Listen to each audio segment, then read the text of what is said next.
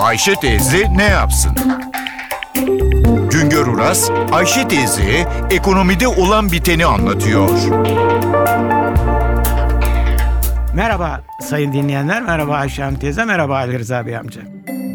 Ülkemizde 20 milyon 220 bin hane var. İnsanların tek başlarına veya başkalarıyla birlikte barınma ihtiyaçlarını karşıladıkları ve yaşamlarını sürdürdükleri mekanlara konuta hane adı veriliyor. Yaşanan mekanın büyüklüğü, küçüklüğü, gece kondu veya apartman dairesi olması önemli değil. Önemli olan bir kişinin tek başına veya başkalarıyla birlikte bir mekanda yaşaması. Aralarında akrabalık bağı bulunsun ya da bulunmasın. Aynı konutta veya aynı konutun bir bölümünde yaşayan, temel ihtiyaçlarını birlikte karşılayanların tümüne hane halkı deniliyor. Bir hanede tek kişi tek başına yaşıyor ise o kişiye tekli hane halkı adı veriliyor. İşte bu tanımlara göre tekli ve çoklu olarak ülkemizde toplam 20 milyon 220 bin hane halkı var. Hane halkımızın %20'si tek katlı binalarda, dikkat buyurunuz. Hemen hemen beşte biri tek katlı binalarda,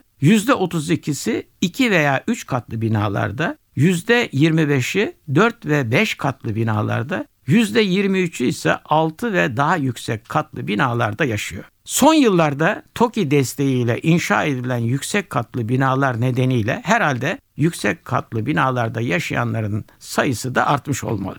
Doğu Anadolu'da tek katlı evlerde yaşayan hane halkının oranı %75'lerde iken İstanbul'da %4, Ankara'da %8 oranında hane halkı tek katlı binalarda yaşıyor. Büyük şehirlerde tek katlı hanenin kalmadığı ortada. Hane halkımızın %67'si kendi konutunda oturuyor. Bu çok önemli bir gösterge. Görülüyor ki hane halkımızın büyük bir çoğunluğu mülk sahibi durumunda. Hane halkının %24'ü kiracı. Konut sahibi olmayan, oturdukları konutta kira ödemeyen hane halkının toplam hane halkının oranı %7 oranında. Hane halkının %2'ye yakını da lojmanlarda oturuyor. Yani kira vermiyor. Hane halkının yaşadığı konutların %22'si 10 yıldan daha az yaşı olan binalar. Yani yeni inşa edilen binalar. Şimdilerde hane halkının yaşadığı konutların Batı Anadolu'da %97'sinin suyu, tuvaleti ve banyosu var.